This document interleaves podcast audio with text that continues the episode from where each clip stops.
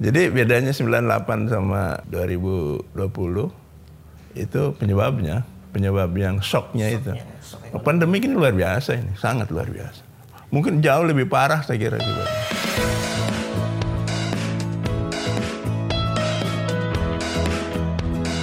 Assalamualaikum warahmatullahi wabarakatuh. Sahabat BMM, kembali lagi di BMM in Podcast dan kali ini bersama saya Riyandi. Pandemi Covid yang melanda di seluruh dunia termasuk Indonesia berdampak kepada banyak sektor. Salah satunya adalah sektor ekonomi. Dan kita sudah tentu mengetahui dampak yang paling nyata untuk para masyarakat bawah. Salah satunya yang kita tahu adalah terjadinya resesi. Di hari keuangan ini, kita alhamdulillah sudah kedatangan tamu di BMM Podcast, uh, yaitu Pak Muhdi Pak Muhdi M Sarun PhD. Alhamdulillah beliau adalah uh, akademisi dari dosen Universitas Muhammadiyah Prof. Dr. Hamka. Uh, beliau mengajar di Fakultas Ekonomi dan Fakultas Teknik dan Sekolah Paskar Sarjana.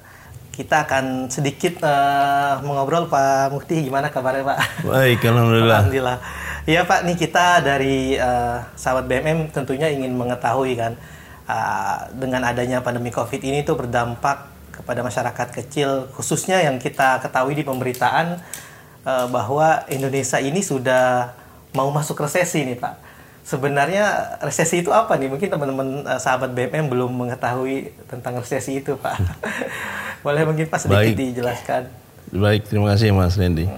Jadi resesi itu kalau menurut definisi itu kan penurunan ada kontraksi penurunan output suatu negara karena sesuatu hal. Sebenarnya kalau resesi itu proses normal aja karena di dalam siklus bisnis perekonomian itu kadang naik kadang turun itu hal yang biasa. Tapi memang yang namanya pandemi covid itu kan lebih dari 200 negara yang terkena gitu.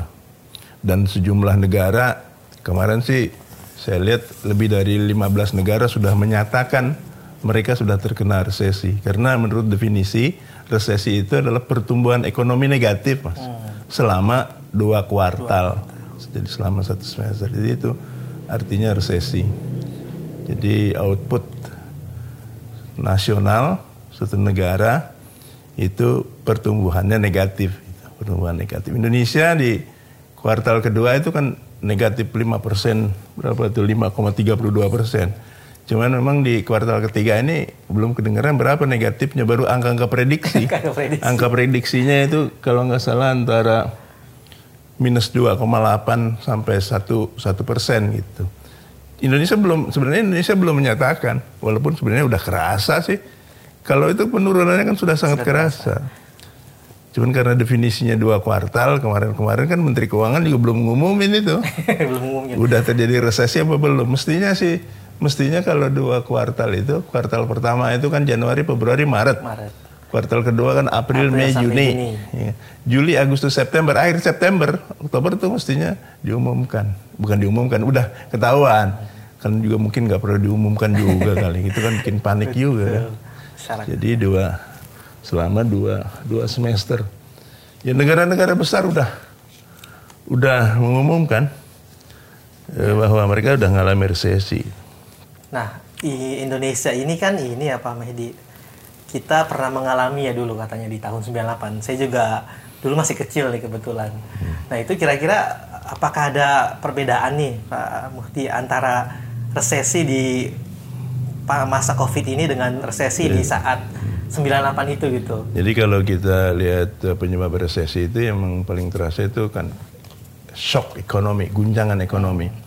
Di dunia itu resesi yang paling besar itu terjadi ketika perang dunia kedua tahun 1929, 1930, 1930-an itu itu malah jadi depresi itu. Nah, perekonomian segitu segitu parahnya. Kemudian eh, tahun 80, tahun 81, 82, 83 juga itu embargo minyak kalau nggak salah waktu itu lupa-lupa ingat saya. Itu juga terjadi resesi yang lumayan. Sudah sampai Sudah sampai depresi. situ. Kemudian yang terakhir 98 ya, waktu atau itu. 98.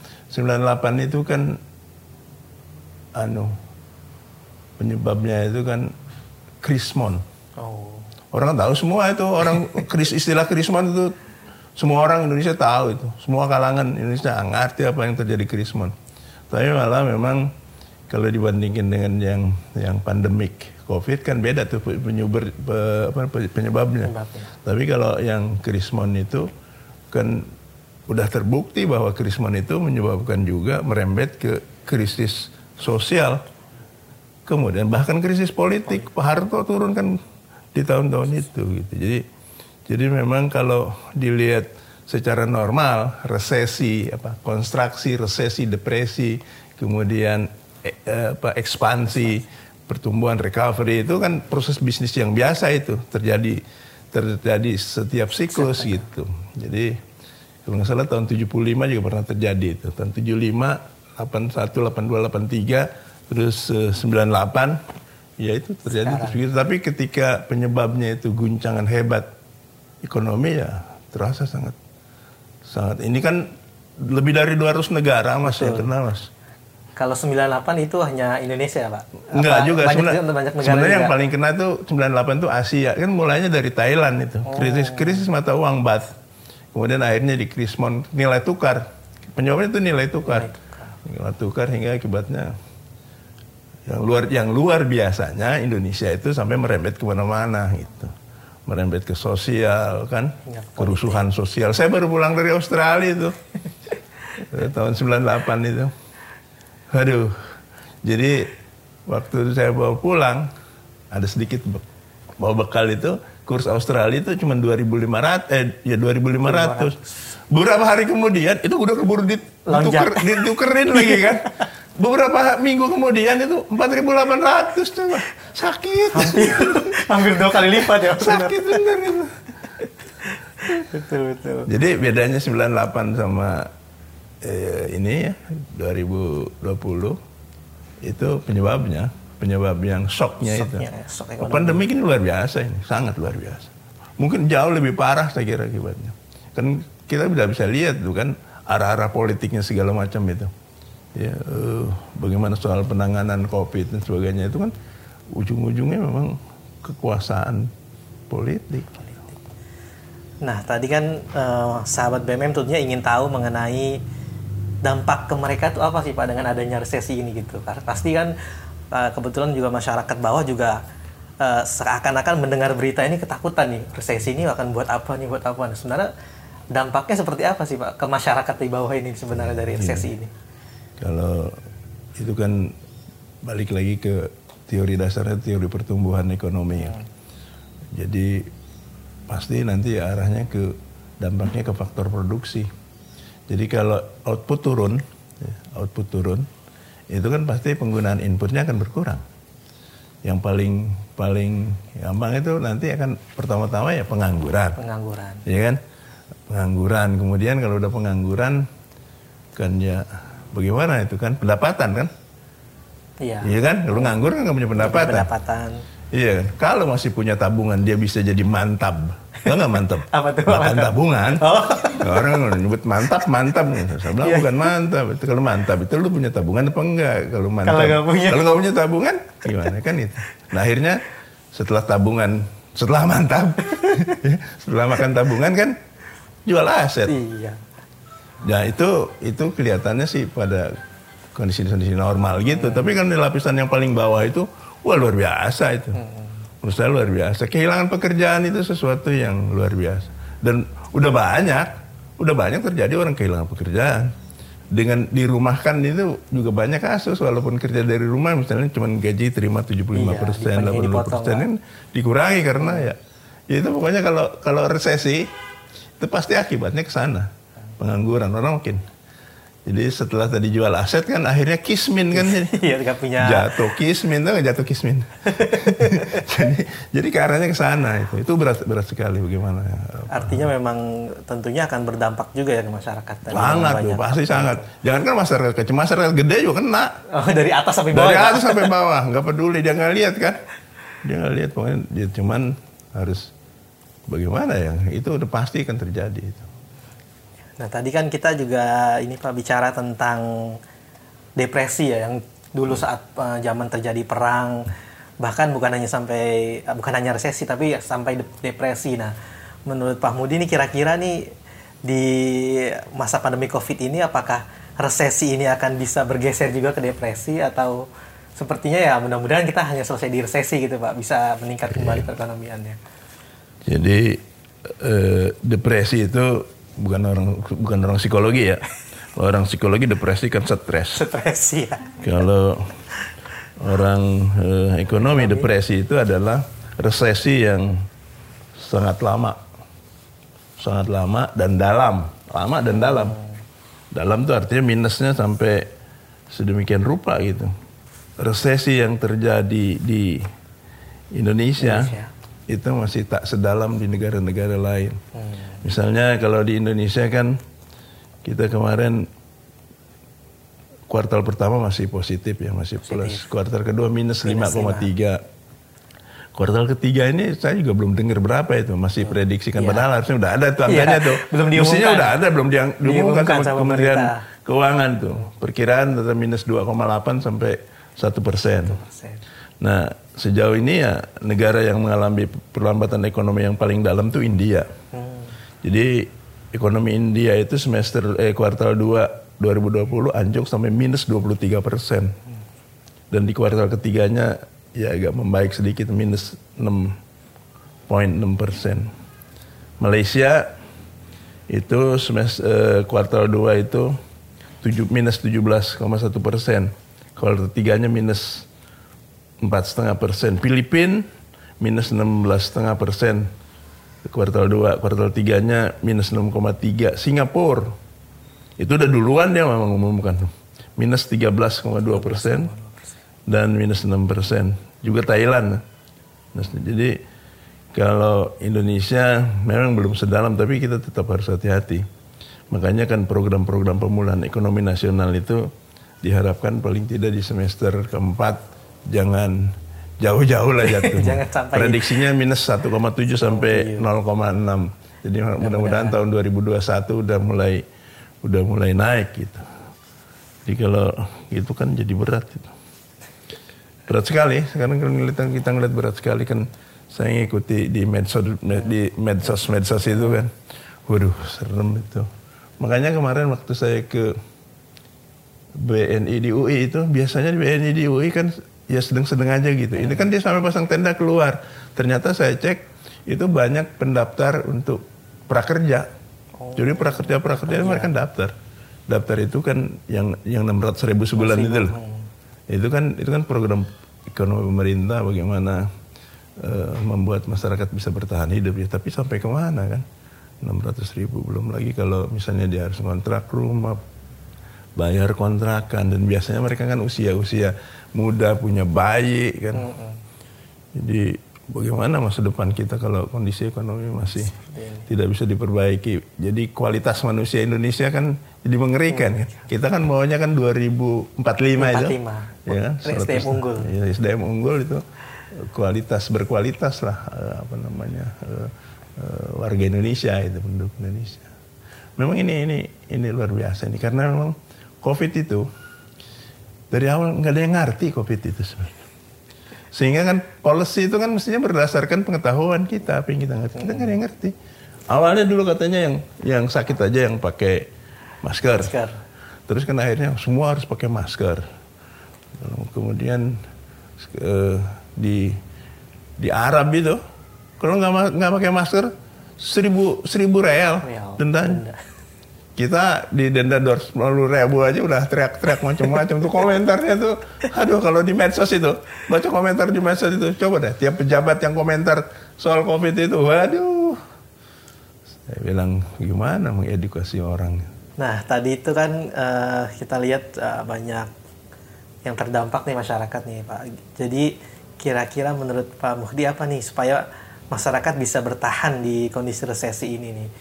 Ya, harus bersikap seperti apa gitu menghadapi resesi ini? Pasti kan sahabat BMM tentunya ingin tahu ya ketika memang kita menghadapi resesi, kita perlu menyikapinya seperti apa nih supaya tidak salah langkah dan kita lebih bijak dalam mengatur eh, ekonomi keuangan kita tentunya. Iya, saya kira kalau secara makro kan pemerintah udah ngatur tuh, udah banyak program-program pemulihan ekonomi. Mungkin kalau dari kita nih, ya, ya tetap harus mengantisipasi misalnya ya, ini sebenarnya bukan cuman ketika terjadi apa eh, pandemik seperti ini. Kita harus punya cadangan dana cadangan. Kalau kata Robert Kiyosaki itu kalau anda mau bebas finansial itu paling kurang enam bulan nggak kerja anda masih mengikuti pola hidup yang lama. Jadi punya tabungan selama enam bulan dengan pengeluaran untuk pengeluaran anda. Kalau misalnya sekarang pengeluaran anda 10 juta sebulan maka harus punya tabungan 60 juta pertimbangannya dia orang tiga bulan itu udah dapat kerjaan lagi yang lain tapi kalau saya kan pensiunan tetap aja nggak ada itu yang pertama ya kemudian mungkin harus lakukan semacam prior, prior, prior, memprioritaskan gitu. Analisis budget lah. Pengeluaran-pengeluaran mana yang perlu, mana yang mendesak. Kan ada yang perlu tapi nggak mendesak gitu kan. Ya kan ada pengeluaran ini perlu tapi nggak mendesak. Ntar aja lah yang yang perlu dan mendesak aja yang diprioritaskan mungkin. Apalagi nggak perlu nggak mendesak yang di, dikeluarkan. Kemudian kalau terkaitkan dengan investasi, nah ini juga agak anu. Jadi di investasi di masa resesi itu kan harus dipikir matang-matang gitu. Jadi ya kita memang tetap perlu penghasilan, perlu penghasilan tambahan kan. Jadi memilih ya, investasi dengan sesuaikan dengan resiko keuangan, sesuaikan dengan kondisi kita kalau mau investasi. Tapi kalau menurut saya yang penting juga itu adalah memprioritaskan bayar utang. Mana utang yang harus diprioritaskan? Ada orang memprioritaskan bisa memprioritaskan utang yang gede dulu gitu kan. Atau ada yang kecil dulu. Gitu gampangan. Karena bagaimanapun kayak utang kartu kredit itu misalnya, itu kan debt kolektornya itu kan luar biasa. Jadi debt kolektor itu kan, jadi kalau bisa sih hidup tanpa utang gitu. Walaupun walaupun orang yang bilang wah hidup tanpa utang tuh orang nggak dipercaya gitu kan, ya kan orang yang utang kan orang dipercaya. Nah yang berikutnya menurut saya yang bisa dilakukan masyarakat itu ya mulailah buka bisnis bisnis sampingan. Hmm Toh kerja juga sekarang kan work from home, ya kan? kerja dari rumah. Ya. Jadi cobalah bikin uh, bisnis-bisnis yang bisa dilakukan. Sekarang juga bisnis online kan bisa bisa dilakukan. Tapi memang kadang-kadang kita bisnis baru pengeluarannya doang udah seneng-seneng, hasilnya kagak ada. Itu ya, pengeluaran bisnis. Jadi artinya maksudnya dia supaya siap ketika kan mungkin aja sangat terbuka sekali untuk apa uh, eh, PHK karena ketika kantornya dengan eh, dengan resesi seperti ini, dengan output seperti ini, kan di awalnya kan lockdown sebenarnya lockdown itu makanya pemerintah saya kira di satu sisi, di satu sisi itu sama, sama sekali menghindari kata-kata lockdown. lockdown gitu. Karena lockdown itu kan kunci betul. Kalau di kalau di Arab Saudi lockdown negaranya kaya, nggak masalah dia. Cadangan. Cadangannya banyak ini. Kalau kita di lockdown mungkin sangat sangat berat lah. Iya, iya. Nah ini ada yang menarik nih saya lah, udahlah, mulailah menanam sayur. Ini kelihatannya sepele ya, bagi masyarakat lakukan tanam sayur, nanam, pelihara ikan, nanam sayur, itu kan bisa cadangan. Saya saya sih nanam sayur, saya udah udah udah lama juga sih saya nanam sayur. Paling nggak misalnya yang paling gampang saya tanam kan kangkung, kangkung. paling tidak uh, apa eh, kita ada ada ada cadangan yang gitu gitulah gratis gratis gitu. Kemudian yang yang mungkin ini jangan dilepas juga ini bersosialisasi dengan lingkungan. Karena sering kali terjadi orang nggak tahu gitu. Jadi ada informasi-informasi. Kan dari Pak RT dari Pak ini kan. Jadi kita kita ngelihat kan itu kan apa namanya uh, eh, BLT ya. BLT BLT pemerintah itu kan kadang-kadang kita nggak tahu. Kalau kita nggak kalau kita diem aja menyendiri apalagi nggak terdaftar di RT kan. Itu kan ya mungkin nggak seberapa sih tapi kan lumayan. Walaupun cuma dua ratus ribu beberapa gitu kan. Jadi kan kalau di di Depok misalnya itu kan ada yang dari Pemda Kota Depok ya kan ada yang dari Pemda Jawa Barat ada yang dari nasional, nasional gitu kan. kalau kita nggak tersentuh nggak nggak apa terinformasi soal itu terutama untuk masyarakat yang paling kurang beruntung lah Alhamdulillah nih uh, kebetulan kami juga betul Muhammad yang hmm. memang bergerak di bidang sosial uh, juga dalam masa pandemi Covid ini suka ini Pak Muhdi membantu lah masyarakat hmm. dengan adanya bantuan paket sembako okay. dan itu tentunya uh, hasil dari donasi zakat para oh. donaturnya hmm. Betul Muhammad. Nah, mungkin ingin menanyai pendapat Pak Muhdi nih kira-kira apakah memang zakat ini juga bisa menjadi solusi di masyarakat nih di tengah masa pandemi ini nih. Gimana menurut Pak Mufti tentang zakat? Zakat, zakat itu konsepnya zakat itu kan distribusi pendapatan. Jadi orang yang kaya harus membayar zakatnya sehingga orang yang berhak ya orang yang kurang beruntung harus menerima zakat.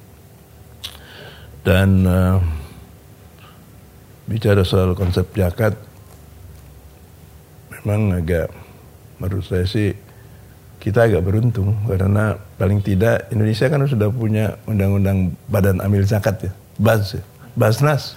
Jadi uh, mungkin tidak hanya sekedar konsumsi mestinya. Bagaimana zakat itu bisa jadi produktif. Idealnya sih sebagai orang muslim kita harus percaya bahwa zakat itu satu cara untuk distribusi pendapatan, pem, pem, pemerataan pendapatan, menyelesaikan soal kemiskinan. Makanya kalau dilihat dari fakta sejarahnya di zaman Rasulullah itu, sahabat baik Bani Umayyah maupun Bani Abbasiyah itu, ekonomi ekonomi umat itu tumbuh karena zakat digali secara optimal. Pada waktu itu pada di zaman Umar bin Abdul Aziz itu yang tadi saya ceritakan dalam tempo 30 bulan tidak ditemukan lagi masyarakat miskin karena semua sudah berzakat, semua. Nah, bagi kita mestinya kita yakin muslim ya Islam ya. Kita yakin bahwa zakat itu mampu memberikan sumbangsih untuk mendorong pemerataan. Ya, karena memang persoalan apa uh, pemerataan ya, equity ini kan persoalan pembangunan dari dari lama itu. Jadi dari tahun 54 persoalan pembangunan dikritisi itu salah satu di antaranya kan dulu kan cuma mikir pertumbuhan aja. Ternyata tidak ada yang menetes kan. Oh, ada itu teorinya trickling down effect gitu. Menetes ke bawah. Ya menetes sedikit kan pasti tes, tes gitu kan.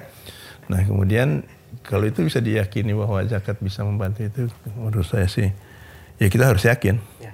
Makanya kemudian undang-undang tentang zakat itu kan itu kemudian menjadi potensi yang besar itu kita harus manfaatkan. Karena kita nggak mungkin mikirnya hilafah ya. menurut apa uh, seperti kembali ke zaman Rasulullah nggak mungkin. Kita ini negara Indonesia yang NKRI yang berdasarkan Pancasila, Pancasila gitu. Sehingga dasar undang-undang itu jadi jadi bekal, jadi modal buat buat kita untuk melakukan satu apa namanya upaya-upaya untuk uh, pembangunan itu bukan cuman apa kan dulu pertumbuhan ya, pertumbuhan pemerataan ya, pertumbuhan pemerataan. Stabilitas pertumbuhan itu zaman Pak Harto itu konsepnya konsepnya Pak Harto itu trilogi pembangunan ya. Uh, apa uh, uh, memang ada ada soal itu soal, soal distribusi pemerataan pembangunan itu ya. Saya kira zakat bisa jadi instrumen yang yang ampuh untuk diterapkan. Alhamdulillah kita sudah ngobrol panjang nih Pak mengenai resesi dan depresi khususnya buat sahabat BMM tentunya sangat bermanfaat sharing dari Pak Muhdi atas uh, informasi mengenai resesi dan bagaimana cara kita menghadapi ini. Dan ini semoga menjadi uh, penguat kita di masyarakat khusus sahabat BMM bisa tetap survive di masa pandemi yang yang mana kita akan menghadapi masa resesi. Dan tentunya tadi uh, sudah disampaikan tentang peranan zakat yang kuat untuk bisa membantu menyelesaikan permasalahan ekonomi ini juga tentunya kami mengajak uh, sahabat BMM untuk bisa turut serta jika ingin mengamanahkan zakatnya melalui Baitul Muamalat kita bisa punya layanan untuk juga bisa mendistribusikan sesuai dengan dari Pak Mukti tadi disampaikan.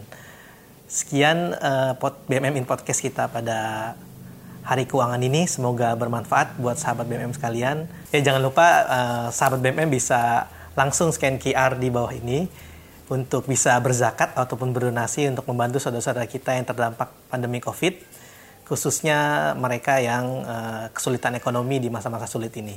Jangan lupa like, subscribe dan komen kira-kira apa konten IBMN Podcast untuk next berikutnya. Ya terima kasih Pak Mudi atas sharing ilmunya sangat bermanfaat tentunya buat sahabat BMM. Sampai jumpa di BMM Podcast selanjutnya. Wassalamualaikum warahmatullahi wabarakatuh. Waalaikumsalam.